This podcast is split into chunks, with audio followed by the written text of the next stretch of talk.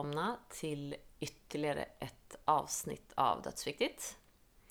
Med mig Elisabeth Ivars och Med mig Marie Öberg. ja. Det här avsnittet så har vi träffat Erik Grönberg som är initiativtagare till Inte ensam, aldrig glömd. Precis. Och avsnittet blir en annan infallsvinkel på döden. Och det handlar egentligen mer om psykisk ohälsa. Mm. För han initia- hans initiativ eh, handlar ju om suicid, övergrepp och eh, ja, självmord helt enkelt. Och mycket ungdomar och barn och även vuxna som har blivit eh, dels utsatta då för sexuella övergrepp men även inbegriper andra typer av psykisk ohälsa. Mm. Och ett väldigt starkt och eh, fint samtal Mm. som eh, berörde oss och väldigt glad att vi hade. Verkligen. Och det, Jättetack Erik. och det vi pratar om lite grann det är även att eh, vi kommer länka i, till lite olika organisationer. Så att, som handlar då om om man inte mår bra. Mm. Så jätteviktigt om ni lyssnar på det här och inte mår bra så finns det hjälp att få och bland annat genom de här organisationerna som vi länkar till. Mm, för det här är alltid den där balansgången man går på. Ska man ta upp saker? Ska man prata om saker? Och vi tycker att det är viktigt att prata om saker. Men samtidigt så kan det ju väcka tankar om man inte mår bra. Mm. Men vi tycker ändå att det är så viktigt att ta upp och vilket fantastiskt arbete som Erik gör med den här organisationen Mm. som hjälper Hjälper många, många. ungdomar. Mm. Så lyssna och eh, dela gärna. Mm. Så eh, ser vi fram emot att höra snart igen. Absolut. Tack och hej!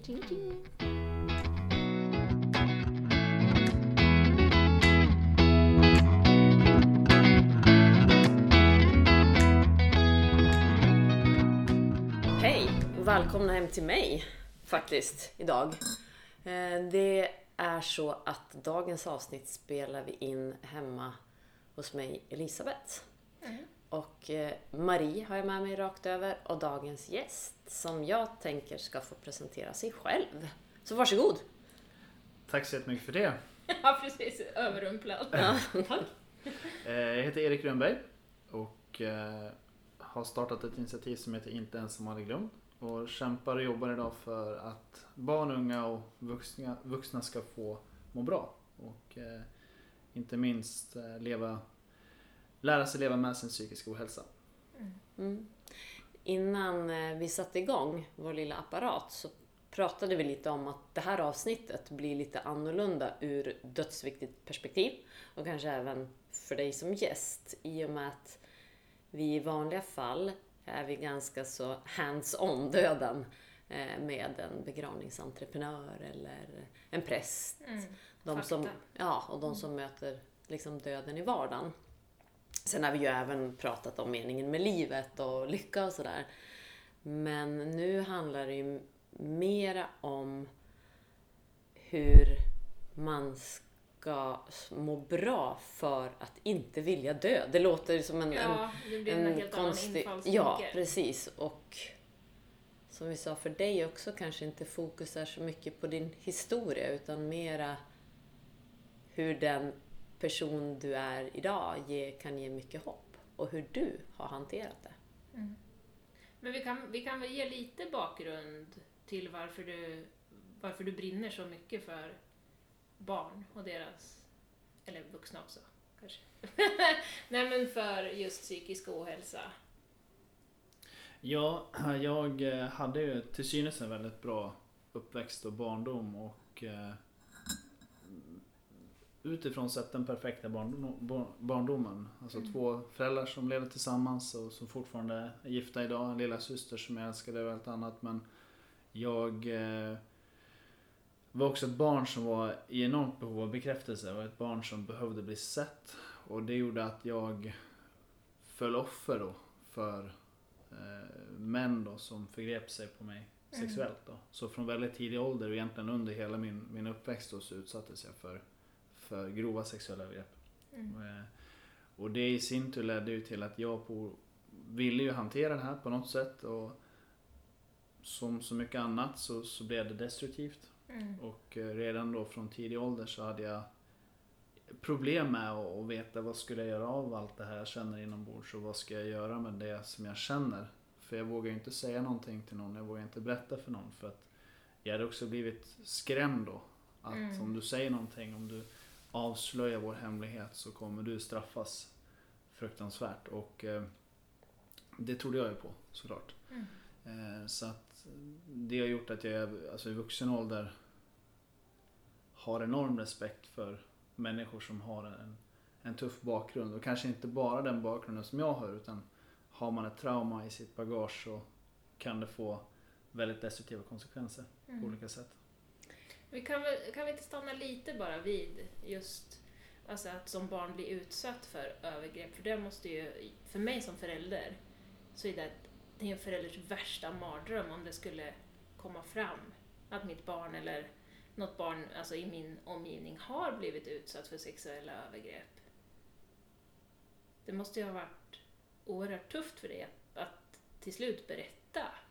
Ja, och jag hade ju aldrig egentligen tänkt att berätta. Utan Mm. det här var ju en hemlighet som skulle följa med mig in i döden. Ja. i stort sett. Men problemet som jag hade det var att jag eh, levde väldigt destruktivt. Jag drack väldigt mycket. Mm. Jag jobbade väldigt mycket. Och gjorde mycket för att fly från det som hade varit. Mm. Vilket till slut gjorde att jag på sista raden orkade inte hålla, hålla det inombords längre. Så att jag eh, berättade faktiskt genom att skriva ett mail till en person då som jag litade på. var egentligen den enda personen som jag tänkte att han vill jag berätta för. Mm. Eh, Och han gjorde ju det absolut bästa han kunde göra för mig och det var att svara att ja, men vi kan prata om det när du vill och hur mycket du vill eller hur lite du vill men, men jag finns här för dig. Mm. Men sen skulle det dröja ännu lite längre innan jag faktiskt berättade för mina föräldrar. Och det kom så av att jag ställdes inför en situation där jag visste att jag skulle stöta på en av de här männen då som hade utsatt mig och han som utsatte mig längst i ett sammanhang där, där jag då på nytt skulle spela teater och låtsas som att ingenting hade hänt och Mm. vara den här perfekta Erik som jag hade skapat under hela min barndom och fram till då att jag var över 20 år. Ehm, så att på så vis så var ju den kvällen när jag berättade var ju en, en kväll som inte jag hade reflekterat över utan det var mer att det kom det kom påtvingat och jag kände att det, det finns ingen annan utväg. Nej. Och eh, där får jag väl, precis som då med, med den här vännen som fick reda på det första av alla, att mina föräldrar har ju backat upp mig väldigt bra sedan den kvällen och Mm. har ju trott på mig och de har stöttat mig och funnits där. För det är ju många som berättar om den här typen av fruktansvärda händelser och faktiskt förlorar hela sin familj Ja. för att föräldrarna eller de anhöriga tar förövarens parti eller förövarnas parti. Och Mm. det är jag ju väldigt tacksam att de inte gjorde då. Verkligen. Ja. När du, du sa att det var den personen du valde att berätta för först. Mm. Vad var det som gjorde att det var just den personen som du kände att du kunde berätta för? För jag tänker att det kan ju vara ett tips till omgivningen. Mm. Eh, hur... Dels så, han berättade för att han hette Rickard Wolff. Så han, Mm. var, han var ju skådespelare och, och vi hade ju lärt känna varandra genom åren. Eh, Mm. Och från början så hade ju inte vi en sån relation alls att vi pratade med varandra på det sättet. Men, men vi träffades i samband med föreställningar och med tiden så blev han en person som en vän, som en bekant. Mm. Och eh, han var en person som bar själv på mycket ångest, mycket tankar och hade ju själv levt ett, ett, ett rikt liv på många sätt men också grubblat mycket. Mm. Och jag tror att jag fann någon form av trygghet i hans hans öppenhet för Det är livet. vara naken tänkte jag säga. För att vissa Ja. människor är ju, möter man som är nakna, Precis. eh, själsligt nakna och det kan ju göra att man själv vågar vara det. Mm. Och jag tror han... Det var ju som sagt inte ens tänkt att jag skulle berätta för honom. Men när jag reflekterade över att någon vill jag berätta för. Vem kan jag berätta för? Så blev han det första namnet jag kom att tänka på. Den första Mm. personen. Mm. Eh, För det som var med Rickard, vi, vi träffades ju så ofta vi kunde och vi hördes emellanåt och, och han, han, fanns, han hade alltid tid. Mm. Om än bara för en, för en kort kaffe eller ett, ett kort samtal så fanns han alltid där. Men sen så dömde han inte heller. Utan han kunde lyssna på vad jag sa eller vad jag berättade och begrunda det och sen så kunde han svara och säga så här, men jag ser, ser det på det här sättet. Och jag minns ett tillfälle då, då satt vi i hans vardagsrum i Stockholm och, och så förklarade jag hur, hur jobbigt jag hade det med ångest. Mm. Och jag hade gått i terapi länge och sen så sa han det att ja men så jag, jag ser det på det här sättet. Och det var som att han löste hela mitt liv på fem minuter. Mm. Häftigt Trots att med jag- sådana människor. Ja, väldigt Ja. häftigt. Och jag tror ju att i hans fall så var det att han var så klok. Han var så klok och så varm och välkomnande som person. Och det hade ju inte med hans, alltså hans profession att göra utan det var ju den han var. Så att jag tror att har man en sån person som Rickard var för mig i sitt liv så är det en väldigt bra livlina. Så jag Mm. brukar säga att alla behöver en Rickard. Sen Mm. kan Rickard vara vem som helst Mm. men för mig så var han eh, livsviktig så. Mm. Det du sa nu, så som jag eh, tog egenskaper som jag tänker, det är ju dels att alltid ha tid och eh, precis det du säger. Och då tänker ju säkert många att ja, men hur ska man kunna det? Och det är ju inte lätt. Men det kanske inte handlar om att ha tid att sitta ner en timma utan det kanske handlar om att man bara svarar eller säger vi kan höra sen. Eller, och som du säger vara närvarande och inte dömande. Mm. För de sakerna hade väl du då eh, säkert processat när du har träffat honom. Att han dömer mig inte när andra saker. Han lyssnar på mig. Han är närvarande i samtal. Och det är ju någonting vi alla kan vara eh, mot våra eh, liksom medmänniskor. Mm. Verkligen. Och så tror jag det att man man oftast gör det lite svårare än vad det är som anhörig eller som medmänniska. För man tänker, åh vad ska jag svara, vad ska jag säga? Ja. Man, man vill nästan ha ett, ett färdigt manus, att allt det här ska jag säga för att det ska bli rätt. Och jag tror att det viktigaste i en sån situation, det är medmänsklighet. Mm. Och där Rickard var ju enormt medmänsklig och enormt inkännande och jag tror att det kan vi alla vara. Och jag brukar, när jag möter framförallt unga, unga människor som har mycket ångest och tycker att, att det är emellanåt väldigt tufft så, så brukar de säga ja men jag, jag tycker det är läskigt med, med terapi brukar de säga och det, det förstår jag. Och jag brukar också säga att jag har ju gått jättelänge i terapi Mm. men den bästa hjälpen jag har fått egentligen på sista raden det är från de personerna som, som jag älskar. Alltså Mm. de som står mig närmst. Sen har jag fått jättemycket hjälp av psykologer och terapeuter. Men den, den viktigaste hjälpen kommer från de som står mig närmast. Mm, det där känner jag igen så mycket för att det är ju väldigt många ja, alltså, av, som av ren omtanke tycker att jag ska gå till psykolog och ja, prata med någon och hej och hå. Och jag känner verkligen att jag inte behöver det. Nej. Utan för jag har så många alltså, fina runt omkring så jag har aldrig känt något behov av det. Jag blir erbjuden det hela tiden av sjukvården. Gå och prata och vill du, du, du. Men eh, det är som du säger, de som man har omkring sig. Och ju äldre man blir desto snävare blir ju den, den kretsen som man... Man blir ju lite selektiv när man blir äldre, eller har jag upptäckt. Ja men så är det. Absolut. men Ja, Man är- vaksam med sin tid. Ja. Jag tycker just eh, det du säger, att det är bägge, för att det ena behöver ju inte utesluta det andra.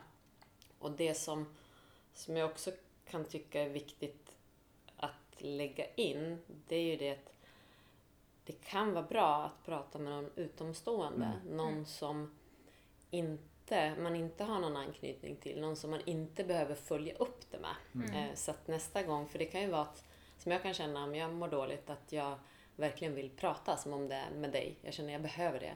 Men sen nästa gång vi träffas så kan jag känna att jag orkar verkligen inte Mm. prata. Mm. Och går man då till en professionell, då vet man att den här personen, den är betald för att lyssna på mig.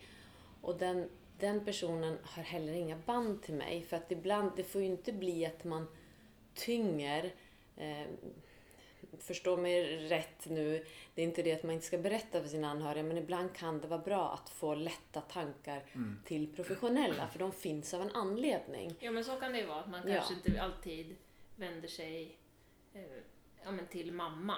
Nej, För att utan det någon blir, annan. det blir för, för tungt. Mm. Utan man måste dra det någon gång med någon annan och sen kan man dela. Mm. Och då kan jag ju säga, som med dig Marie, så du, eh, jag upplever ju inte dig som, eh, vad ska man säga, ältande eller tung eller mörk. Eh, och det får du också vara, men, men som det har varit hittills så, så kan det mer vara, jag är så jävla less på det här nu. Ja.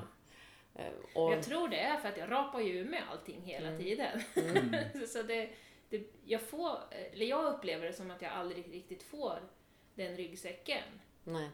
Ja, och, sen, men, och det beror ju helt på vad det är man, vad det är man har att bearbeta. Mm. Jag har ju eh, jobbat också inom psykiatrin och, och vissa, alltså ångest är ju fruktansvärt. Mm. Det kan ju driva människor ja, men, till vad som helst. Ja, och jag tänker tillbaka, du sa att dina föräldrar agerade på bästa möjliga sätt. Mm. Och vad var det? Jag, jag förstår att den stora delen i det är ju att bli trodd Mm. när man kommer. Eh, nu när vi pratar om, om övergrepp, men det Mm. kan ju även vara andra saker. Mm. Det kan ju vara att man har gjort någonting som man, man själv... Snattat. Ja, Ja, precis. ICA-jägaren. Jag var 12 år. Nej, men det, det kan ju vara olika saker som man kan känna en ångest inför. Ehm, Ja, men kanske att man ska komma ut som eh, att man är homosexuell. Det kan ju vara olika saker som kan Mm. göra det här. Så förståelse och acceptans. Men var det någonting annat som du känner att dina föräldrar eller någon annan som har varit värdefullt i deras bemötande? Jag tror att, att det, det som, som har blivit lite det är att, att Rickard gick ju bort eh, hösten 2017. Mm. Men sen året därpå då, under våren så träffade jag min, min sambo. Mm. Och det har blivit någon form av symbolik i det för att hon har någonstans ersatt Rickard som mitt, alltså som min, min livlina eller Mm. den personen som jag anförtror mig mest. Och hon har ju sen, sen dag ett, hon har aldrig dömt mig återigen. Alltså hon har ju haft en förståelse men hon har heller aldrig ältat det. Nej. Om ni förstår vad jag menar. Vissa människor kan ju också nästan applicera ens bakgrund eller en situation på dig när du möter dem. Att Mm. de menar, ja men hur är det egentligen och hur känns det? Ja, det är nästan så att de precis. vill att man ska gå ner, alltså gå trappen ner till, Mm. till källan Mm. direkt. Ehm, och det tycker jag också är, ett värdefullt medskick att även om man bär på någonting, oavsett vad det må vara, så kan man faktiskt må väldigt bra. Mm. Och där har Lisa då, som min sambo heter, hon har gjort ett alltså, Hon har gjort det väldigt tydligt från start att men vi, alltså vi, vi ska må bra, punkt. Så. Eh, Men givetvis med tillåtelse för att ha dåliga dagar och så vidare. Men, Mm. men hon har ju på något sätt fått mig att inse att allt det här som har varit, det finns där. Men det behöver inte definiera vare sig min eller hennes eller vår framtid tillsammans. Men det behöver inte bli en identitet. Nej, exakt. För det tror jag är lätt. Och det tror jag, det, det känner jag ibland när, man, när jag kommer in i olika sammanhang att jag är ju för evigt förknippad med det jag gör till vardags. Mm. Så att många gånger kan det bli att om, om man säger vi är på en tillställning och det är en glad tillställning och alla är glada och är middag och men fortfarande alltid så är det någon som då kommer och ja, nu måste jag prata om det här. Och det är ju jättefint att man blir anförtrodd de här djupa sakerna. Men det blir också ett tydligt tecken på hur folk ser på Mm. varandra och sig Mm. själva. Att, ja, men, okej, här är det en person som uppenbarligen har mått väldigt dåligt. Ja, men då har jag tillåtelse att bara spy ut allting på Mm. honom eller henne. Ehm, vilket i sig är jättefint. Men jag tror att man måste förstå att man är inte sin situation eller sin bakgrund. Utan man kan ha bra och dåliga dagar också. Mm. Men det, ja, men det är verkligen att sätta etiketter på folk, att vi är så himla try- vi känner oss trygga på något sätt när vi sätter en etikett på en människa, att den här är så här. Verkligen. Det är lite Ja. förolämpande också. Ja, man behöver som sagt, som du säger, man behöver inte vara. Och jag kan, du säger det jättefint. Och ja, det är det. Fast det är ju om det är så att människor kommer och, och kräks på dig. eh, verbalt så är det inte så fint tycker jag. För jag tycker att det kan vara ganska egoistiskt. Jag tycker då att man kan fråga först åtminstone. Du, jag vet vad du eh, har startat för initiativ. Är det okej okay om jag berättar en sak för dig? Mm. För du är ju en, en privatperson och som Mm. du säger så mycket mera. Jag tror att jag har ju... Jag får ju väldigt mycket meddelanden och möter ju väldigt mycket människor i olika sammanhang. Och det har jag liksom inget problem med. Det är helt okej. Men det blir också den här konstiga situationen när vi träffar vänner. Det är då jag framförallt kan Mm. reagera på den. Att, att jag är här på lika villkor fast ändå inte Mm. som alla andra. Men där tycker jag absolut att, att någonstans har jag också valt den rollen själv. Att, jag menar, jag finns här, jag finns alltid tillgänglig så. Mm. Men det är just den här situationen där man träffar ehm, träffar de som är ens vänner fast de ser en som det här Mm. 24-7 nästan. Ja. Eh, och kanske mer handlar om att jag vill ha rätten att vara glad. ja, även precis. inför mina vänner. Ja. Alltså att, att det inte blir att det är konstigt att jag kommer och är superglad för någonting. Utan att det är... Men där är ju också människors förväntningar på hur man ska vara. För som i mitt jobb då när jag jobbade och mötte många människor, kanske med djupa depressioner, När du jobbar var? som, bo, alltså som psykiatriassistent. Jag vill Ja. bara för att jag tror att det kanske inte är självklart Nej, för som förlåt. Nej. Eh, nej, men jag är ju utbildad inom psykiatri och jobbat inom psykiatri och så möter man de människorna som har djupa depressioner, men som kanske är glada en dag. Mm. Och då, eh, en del människor hämmar sig själva också. I och med att, "Ah, men nu, jag har ju en depression och då kan jag inte vara glad. Och jag är Och sjukskriven för den Ja, depressionen precis. kanske. Mm. Och då blir de lite rädda för att vara glada också. Mm. Så det är svårt. Det blir en identitet. Ja. Jag tänker, vi, den här podden är ju en, en, en döden-podd. Mm. eh, Där vi pratar mycket döden. Och du har ju varit öppen med att du vid flera tillfällen inte ville leva längre. Mm. Kan du berätta lite hur, hur du kom till de besluten? För det måste ju ha varit flera beslut och jag kan Mm. tänka mig långa processer. Jag tror att för min del så var det lite som du är inne på, det är en process. Och eh, min process började ju egentligen redan när jag var liten Mm. och utsattes första gången. Att där och då så blev jag berövad på någonting. Eh, Jag blev berövad på min självbild, min självkänsla och hur jag såg på mig själv. Så från att jag var väldigt liten upp till att jag ja, egentligen ville ta mitt liv då så, så har jag alltid hatat mig själv. Alltså jag har alltid sett mig själv som en äcklig smutsig människa vilket har gjort att jag har försökt kompensera det på olika sätt. Och, Får jag fråga, hatar du dig själv idag? eh, ibland ja. Mm. Men det har mer att göra kanske med eh, den processen jag är i. För Mm. att jag tror att man blir aldrig läkt. Och jag har vissa dagar då jag känner att nu är självkänslan väldigt låg idag och jag känner mig sämre idag än vad jag gjorde igår. Men Mm. det är fortfarande ljusår från där jag var för 9-10 år sedan. Mm. Men jag skulle nog säga att, att självkänslan absolut har varit väldigt avgörande. Men sen så hela processen i att berätta om, om vad jag var med om och hur då han då som var värst av, av de två eh, hanterade den situationen. Att han levde vidare som att ingenting hade hänt, att han inte förstod att han hade gjort mig och många andra väldigt illa. Eh, det blev jättetufft för mig. Och att någonstans förstå att här har jag försökt fly från det som har varit. Jag har försökt hantera det så gott jag har kunnat. Jag har, ja, men jag har flytt Sverige, jag har nästan supit ihjäl mig, jag har jobbat för mycket, jag har försökt rädda världen men ingenting hade ju då hjälpt. Och då kände jag att det fanns ingen annan utväg kände jag än att ja, ta, ta mitt liv. Mm.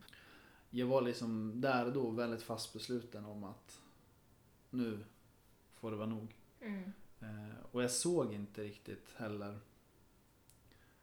någon fortsättning på, på någonting egentligen. Och jag har aldrig... Jag liksom...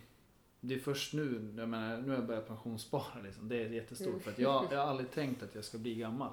Jag har slutat Du har pensionsspara. så, ja, Ni är två olika, eh, olika Vi är varandras motsatser. Ja, precis. Nej men, nej men det... Jag tror att jag hade aldrig sett mig som att bli gammal. Utan jag visste att, ja men... Jag tycker det är så otroligt eh, starkt. Att just att du säger det, att du har börjat pensionsspara. För det är så tydligt liksom, ställningstagande. Att ja, men Mm. jag ska bli gammal. Mm. Och kan det inte vara det att du tidigare inte har vågat göra det? För att då är det lite grann som att då måste du leva vidare. Och det är ju Mm. läskigt. För du vet ju inte när du får ångest igen. Du vet inte när du mår Nej. dåligt. Och då är det lite grann som att lämna en dörr öppen. Ja, men jag kan ju faktiskt alltid dö. Mm. Fast det inte är lösningen så kan det ju vara det i det svarta. Precis. Jag är, li- jag är lite vilsen. Nu hänger inte min hjärna med. Att eh, den här perioden, åren som du var utsatt för övergrepp. Och sen, hur gammal var du när det, när, när det liksom slutade? Man kan säga att studenten blev ju en eh, brytpunkt för mig. Ja, Så att när jag tog studenten så bestämde jag mig att nu, nu ska jag bort ja. härifrån. Och då började egentligen min flykt på allvar. Och det var då liksom det här destruktiva livet. Ja, det destruktiva fanns egentligen redan, redan under gymnasiet och högstadiet och även tidigare än det. Och det, det kom ju att jag skulle överprestera Ja. för att kompensera då för allt som pågick vid sidan av. Mm. Och det var ju ingenting som, som räckte utan att det var ju liksom allting som, som hände och som jag gjorde, det skulle vara perfekt. Mm. För att då kompensera för hur smutsig jag kände mig och hur äcklig jag kände mig. Och, ehm, det, det, det fanns ju med redan från början, Ja. den, den inställningen. Ja, precis. Jo, precis. Jag förstår ju att det inte kommer alltså, över en dag så. Det är så... Just det här att vilja avsluta sitt liv. Det finns ju så himla många såna här meningar som folk säger och hela tiden.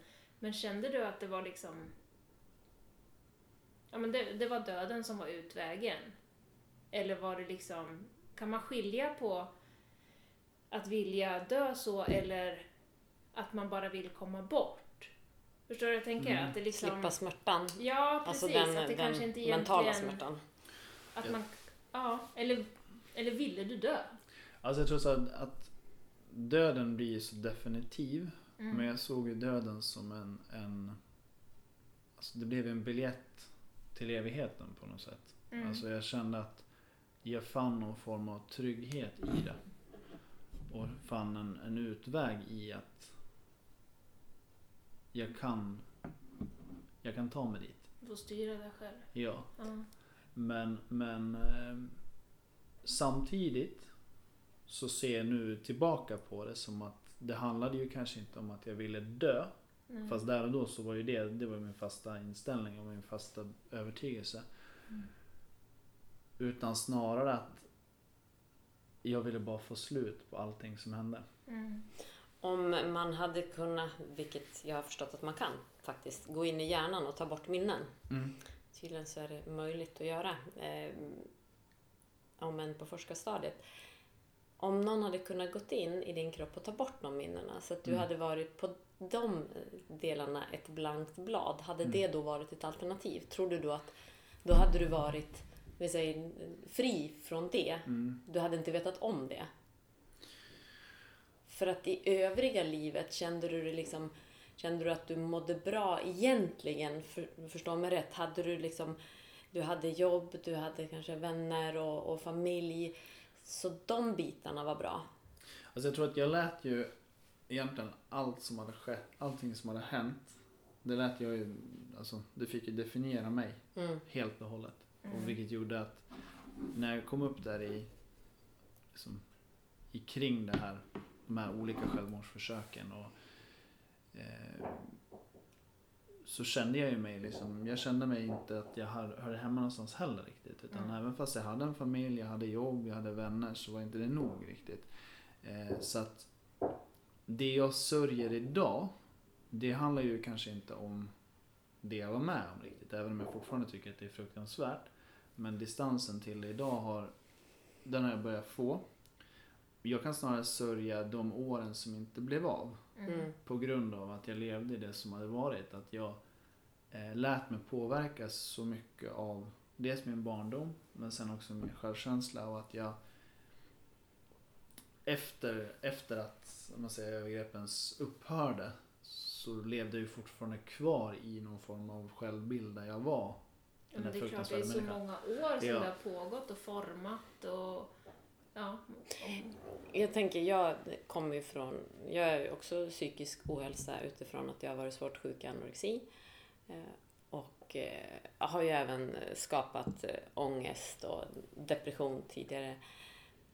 Och jag har ju, jag förlorade ju de åren för att det var ju ingenting som var intressant eller viktigt. Det fanns ju ingenting, alla de om någon frågar mig om vilket år någonting var, jag har ingen aning. Mm. För det är bara, det, liksom, det finns inte. För det enda som min hjärna gjorde var ju liksom att försöka få mig att överleva. Eh, och då fanns ju inte, liksom, hjärnan hade ingen energi till något annat. Så studenten var en av mina livs värsta dagar. För att jag var ju i centrum och alla tittade på mig och alla tittade på mig med så här huvudet på sned. Jag bara Mm. ville ge mig tre kilo smör liksom. Och det, det, och, och det gör ju att så många år efter också, liksom, där det har varit det enda som har varit viktigt. Så jag kan känna igen och förstå att det är så mycket som går förlorat. Mm. Eh, och det är ju inte lätt heller att bryta det. Eh, Och det är ju därför lite grann som jag tycker att det är så viktigt att vi sitter här och pratar med dig. Att det går att bryta Mm. och det går att få hjälp. Det är inte, även om man tycker, även om det har varit många år, även om det har varit saker som inte är påverkningsbara, så går det att mm, komma utifrån. Mm. Det är ju ett sånt ämne, som jag har ju tänkt mycket på det här, för vi har ju, vi har ju försökt få till den här eh, dejten några gånger. Eh, men just, eh, ja men jag är ju väldigt öppen, alltså om döden och så har jag inga problem att prata om. Och så kommer man till ett sånt här ämne som, alltså just självmord. Och det är så jättesvårt att prata om. Jag tycker att det är jättesvårt. Mm. Och just att man, ja men att man kan må så fruktansvärt dåligt så att man vill avsluta Mm. alltihop, man vill bara komma bort. Men vad du, vad du, tänkte du någon gång liksom på vad som skulle hända sen? Var det liksom bara en skönhetskänsla? Eller fanns det rädsla med inför döden? Det var ju också rädsla där i själva ögonblicket, ja. Mm. Det var det. Eh, sen tror jag att det blir också ett samvete. För det här är som sagt processen. Det var ju där mellan 24 och 25 som jag... Där var det ju som värst. Det var ju väldigt, väldigt svart. Och eh, man kan väl säga som så att, att den processen handlade egentligen bara om mig. Mm. Tyvärr. Får jag, säga. Jag, jag reflekterade ju inte kanske över okej, vilken konsekvens kommer det här få för min familj. Nej. Alltså, tyvärr så Mm. ser man ju inte den delen utan man ser bara ens egen frihet, ursäkta ordvalet. Men, Mm. men för mig så blir det någon form av frihetskänsla. Och i, I det brev då som jag hade skrivit då till mina föräldrar så, så ville jag göra det tydligt att det här handlar ju inte om dem. Mm. Eh, Utan det handlar ju om att jag inte orkar längre och Mm. framförallt inte orkar kännas vid att den här personen då som gjort mig så illa, han kan leva vidare utan att förstå någonting i stort sett. Ehm, Har, ehm, har, du, har du konfronterat honom? nej, Nej. Tror Lever du- han idag? nej, han lever inte idag. Tror du att det hade gjort någon skillnad om du hade fått, kunnat, velat, men om, det, om det hade hänt? Jag har ju sett honom, på, eller när han levde så såg jag honom på håll. Mm. Så. Eh, och det som slog mig då, eller det som hände då, det var att jag var ju tillbaka som barn. Alltså det var nästan så att jag blev barn på nytt och kände liksom en kår längs hela kroppen i stort sett. Och den är liksom en obehagskänsla som jag inte riktigt kan förklara med ord, utan det var bara helt fruktansvärt. Mm. Och det har gjort att jag har varit, och är än idag, livrädd för honom trots att han inte lever. Mm. Så är jag ju jätterädd för honom. Mm. Eh, För att han han satte så djupa spår. Mm. Det tror jag många kan känna igen sig i, även om det inte är, vad säger man, det finns ju grader i helvetet. Alltså även om det inte är på så djupt sorgligt och Traumatiskt. traumatiskt sätt, ja, så kan man ju säkert känna igen sig i den känslan att den där personen får mig att gå tillbaka till Mm. det här och den personen som jag absolut inte vill vara. Och Exakt. det är en jäkligt obehaglig känsla. Du eh, berättar ju om att det var ju bara du som existerade då. Och ganska, när man pratar om självmord överlag så upplever jag att eh, det finns många som, eller jag vet att det är många som säger att det är så egoistiskt. Som Mm. säger att, men hur kan man göra så?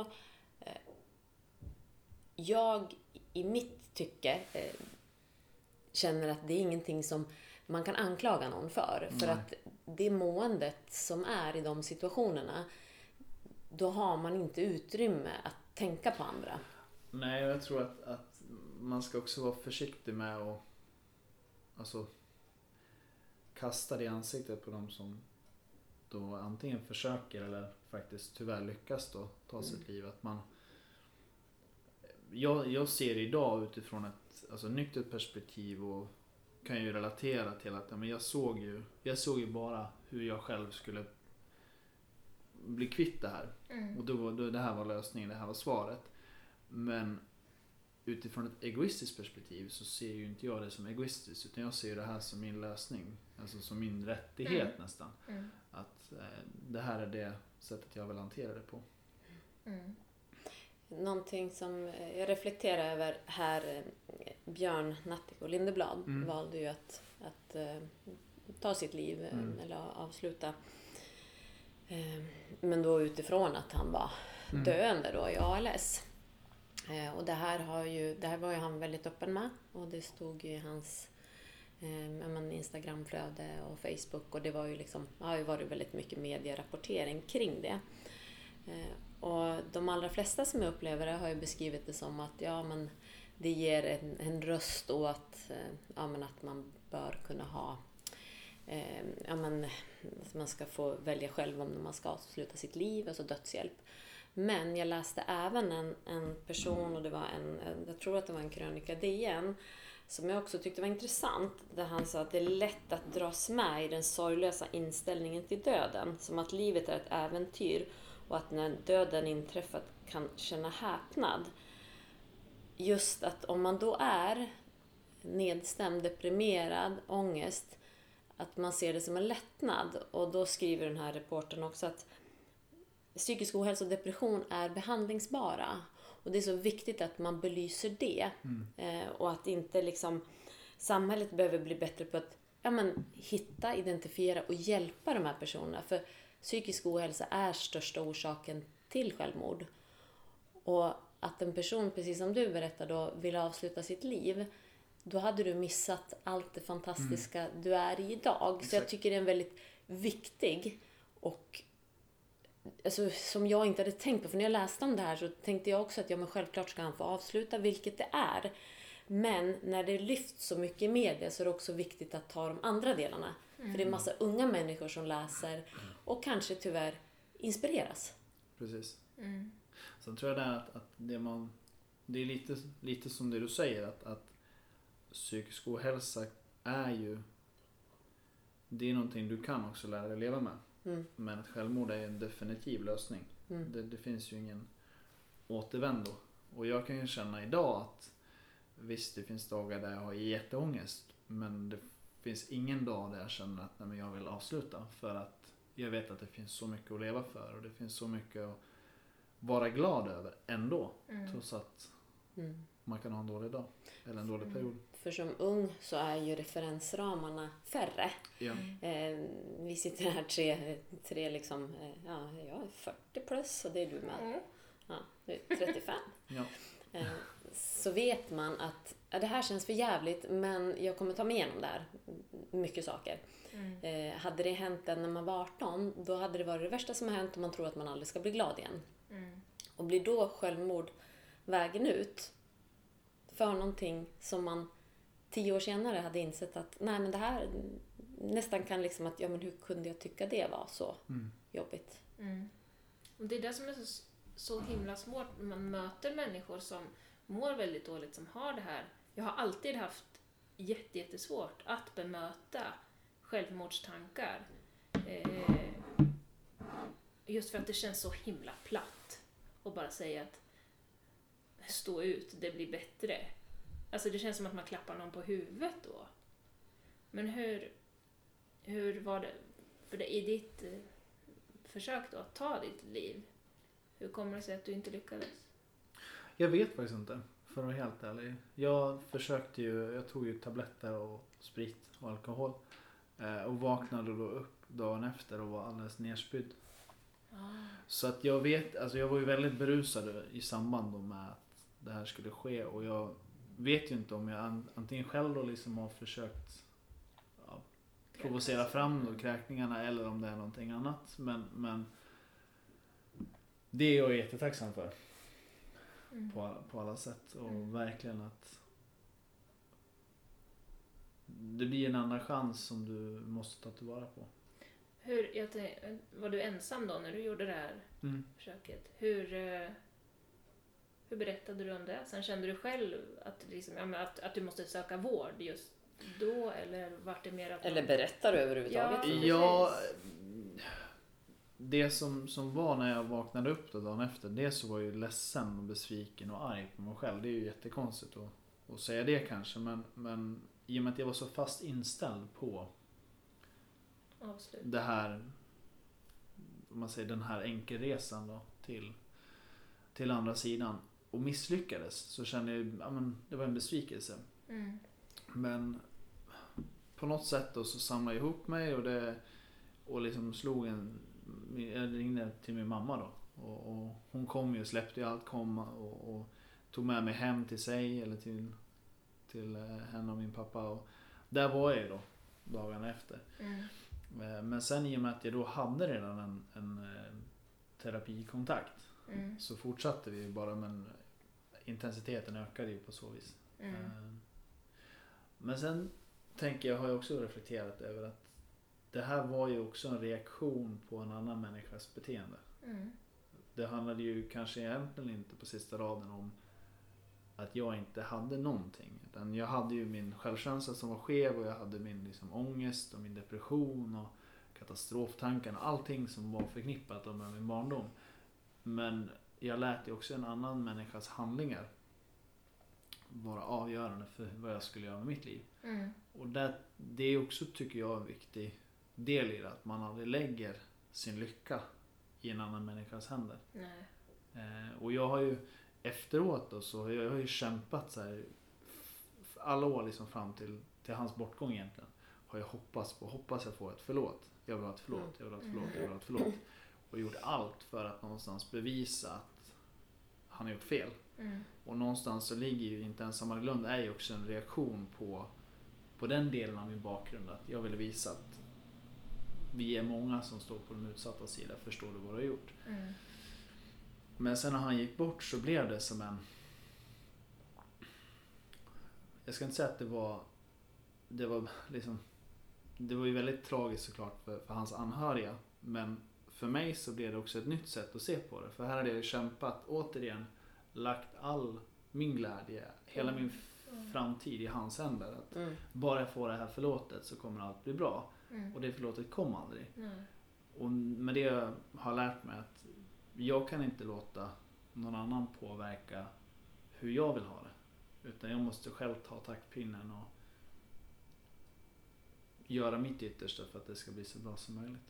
Jag tror att det där är en väldigt viktig lärdom även om det inte handlar om eh, psykisk ohälsa utan faktiskt även i relationer eh, eller i jobbet. Att det, det är du som är regissör i ditt eget liv. Och då blir det ju, ska man då hela tiden vara beroende utav vad ens partner eller ens vänner tycker, tänker, anser. Och det kommer ju bara skifta fokus. Om det inte är den pojkvännen, då kommer det vara mamma eller, Mm. eller en vän. Och då kan du ju aldrig styra, då blir du ett offer. För alla andras åsikter. Mm. Och då är, då är det svårt att bli lycklig. Men har du... Alltså jag sitter ju här och blir förbannad. Nej, men jag blir så himla himla arg på att en, alltså en, en, en människa... Eh, att en människa kan ha en sån makt över en annan människa. Och att... Man då i förlängningen, den människan har makt över mig och det är bara mig det går ut över. Det är jag som får ett skitliv. Kände du aldrig att du bara ville åka och sätta en kula i pannan på honom? Alltså jag är ju inte en sån människa. Som, Men det är Marie. räcker ju upp handen. Nej, men, men jag tror att såklart så, så finns det ju alltså längs med, med livet så, så när man har lyft och berättat så, så är det ju många som reagerar så att man Mm. vill, man vill orsaka skada. Eh, och jag är tvärtom där egentligen. Alltså jag ser ju det som att återigen så, så handlar ju det här om, om hur jag väljer att se på det. Mm. Eh, Och jag är som sagt, jag kommer aldrig förlåta honom någonsin. Men jag måste acceptera mitt förflutna för att kunna se framåt. Mm. Och det, det har ju tagit tid.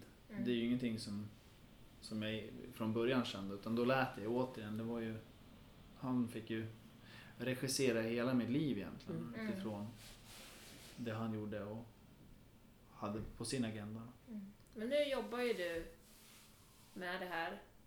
Eh, vad säger du när du får, om, om det är någon som sträcker ut en hand till dig och säger att jag vill inte leva längre?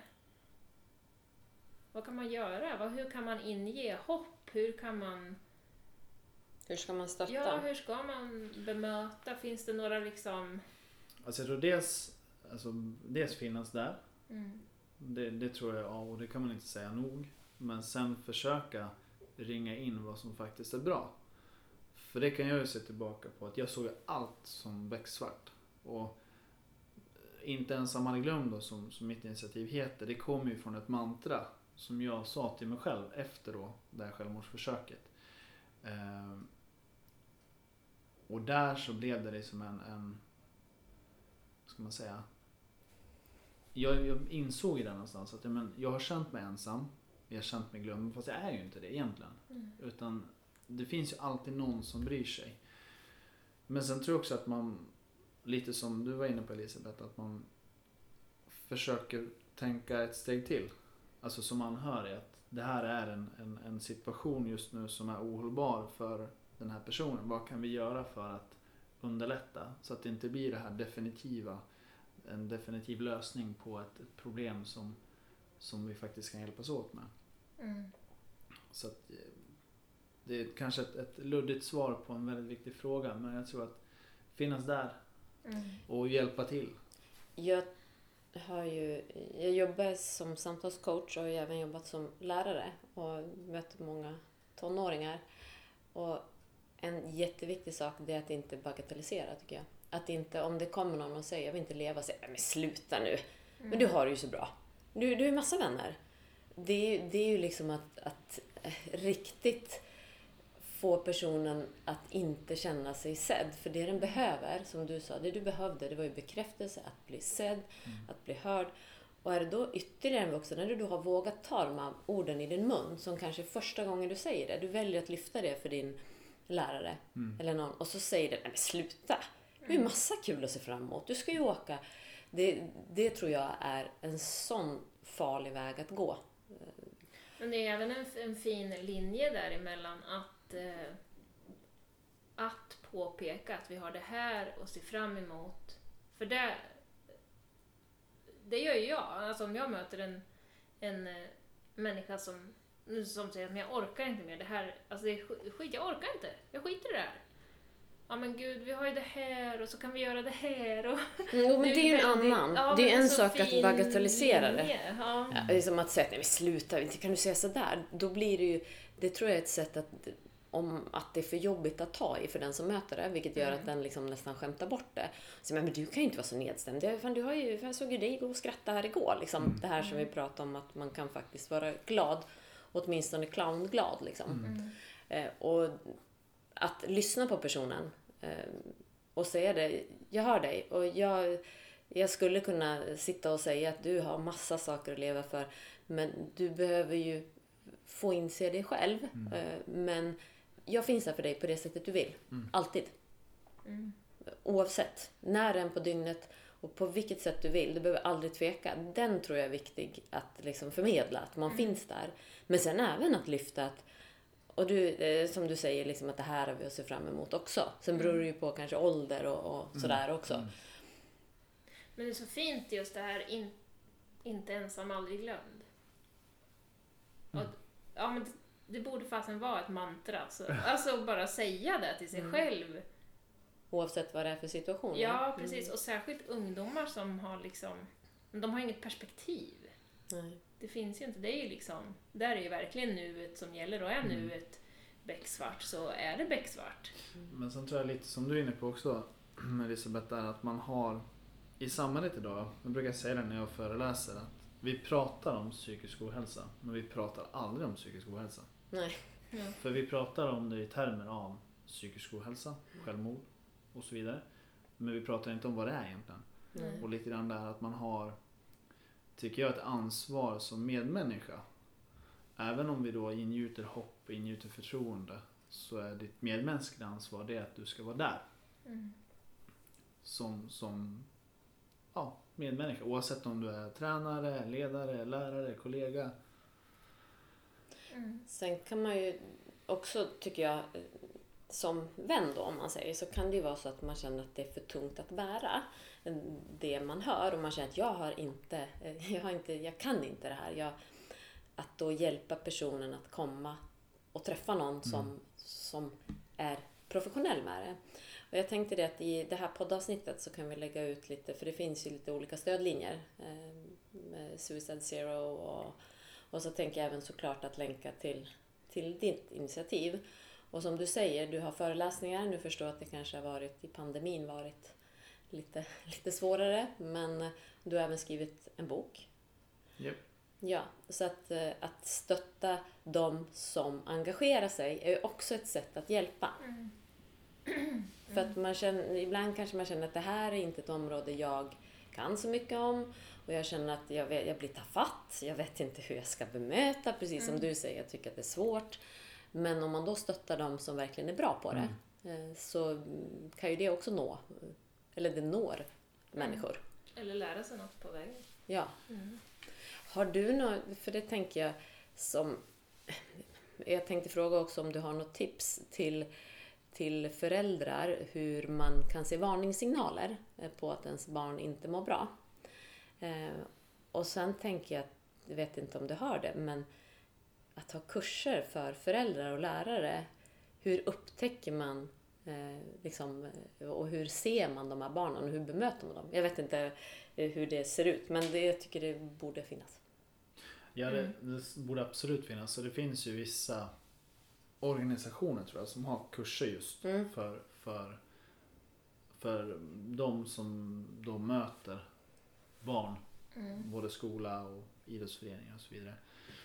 Men jag tror att det är svårt egentligen att prata om signaler. För i mitt fall så allting var ju så perfekt. Mm. Alltså utifrån sett så hade jag den bästa barndomen, jag hade de perfekta föräldrarna som också var, de var ju fantastiska på alla sätt. Mm. Eh, Men i mitt fall så var det väl kanske att allt var lite för bra. Mm. Och lite mycket prestationsångest. Jag känner igen mig själv. Liksom.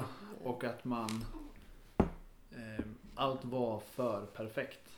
Mm. Att jag hade ju en... Mitt sätt att hantera den här inre demonen som fanns, det var att vara bäst.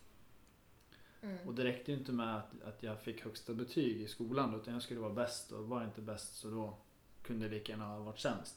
Ja. För det var så starkt.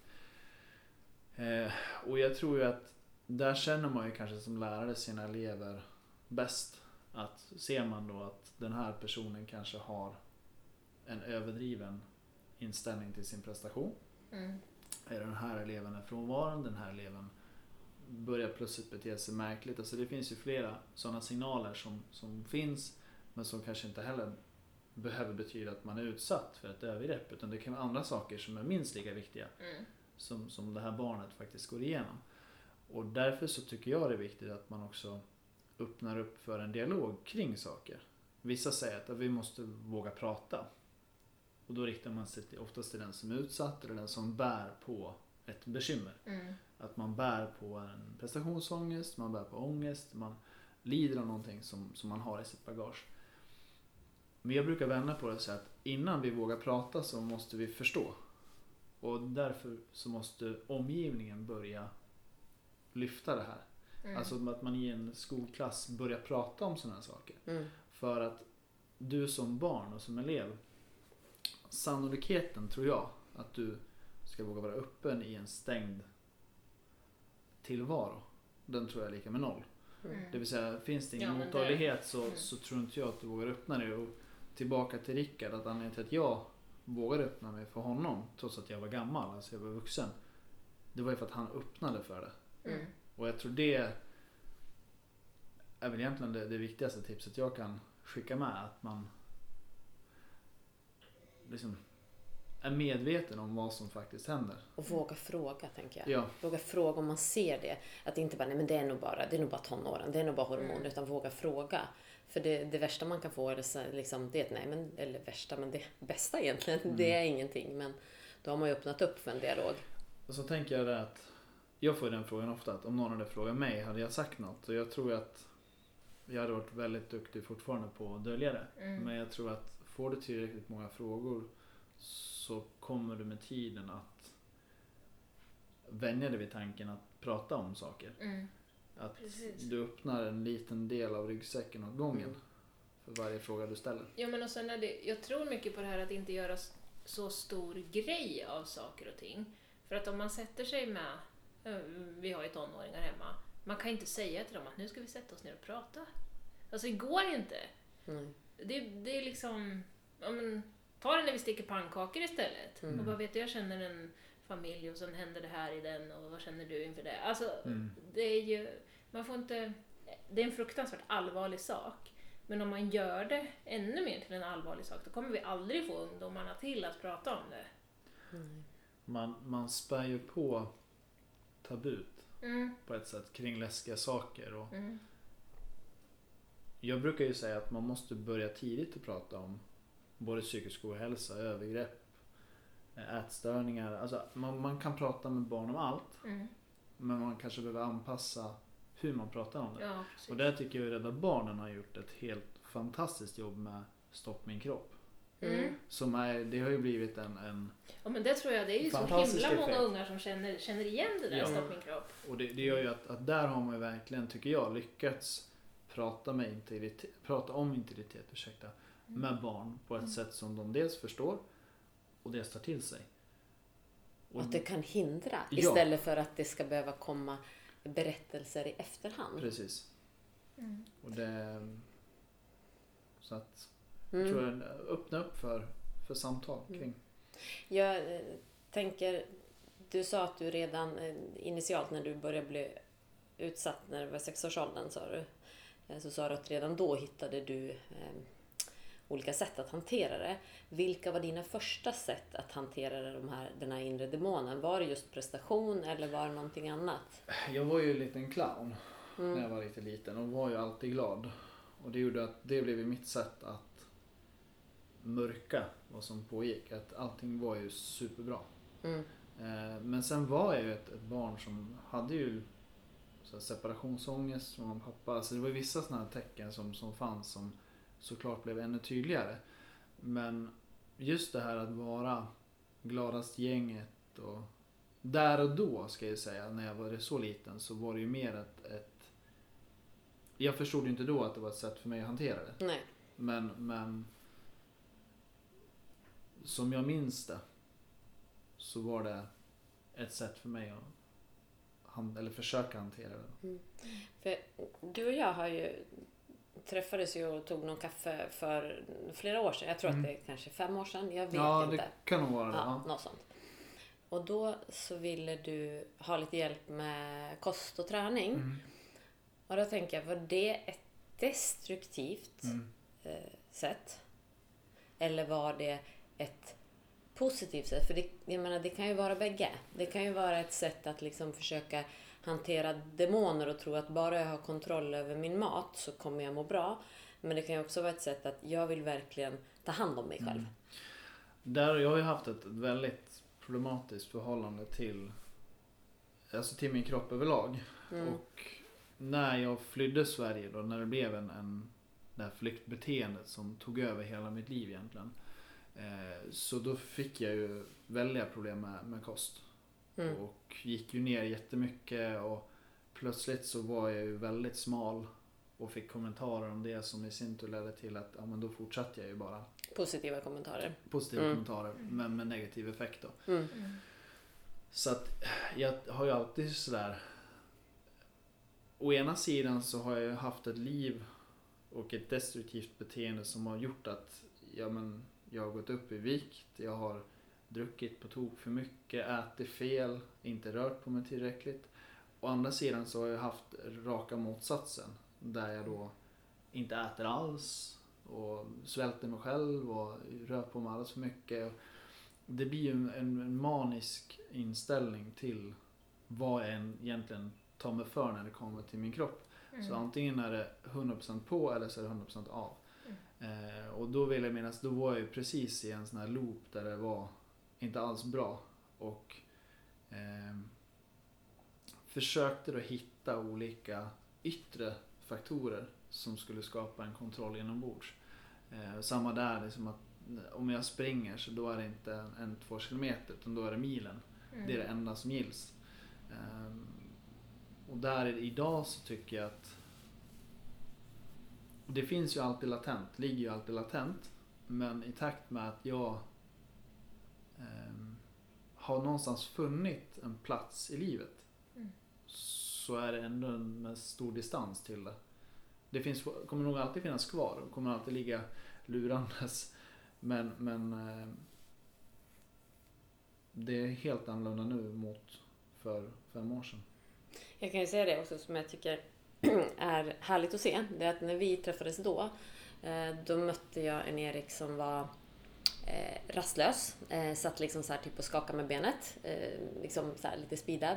Men distanserad i blicken. Liksom tom. Ehm, eh, och i, då så förstod jag också, för att jag visste ju lite om din bakgrund, att du inte mådde helt bra.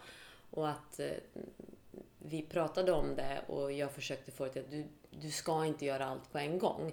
Att jag skulle få bromsa dig och det sa Mm. du också att du kommer nog få liksom, Mm. hjälpa mig att inte göra för mycket. Och kontra den Erik jag ser idag, som jag ser liksom i lugn och märker ett lugn och som jag uppfattar det på en helt annan plats. Mm. Vilket gör mig jätteglad att se. Vad fint. Ja. Ja. men det, det är ljusår ifrån den, den personen som jag var då. Och jag tror att det har väl varit min akilleshäl med det här initiativet. Att jag har gjort och skapat olika initiativ och projekt genom åren för att återigen få finnas till. Och det har aldrig varit lagom utan det har alltid varit lite till Mm. oavsett vad jag har åstadkommit så har det varit om man, jag är inte nöjd för att göra det här och gör jag det så kommer nästa, eh, nästa plan eller nästa, nästa projekt. Ehm, och det har gjort att, att från början så tänkte jag att ja, men det här initiativet är inte ens som man är glömd, det ska verkligen inte bli så utan det ska vara min, det ska vara min kamp. Och det är min kamp men Mm. där är jag också, sen vi såg senast, så har jag ju också lärt mig att distansera mig själv till det. Det är fortfarande det jag kommer kämpa för livet ut.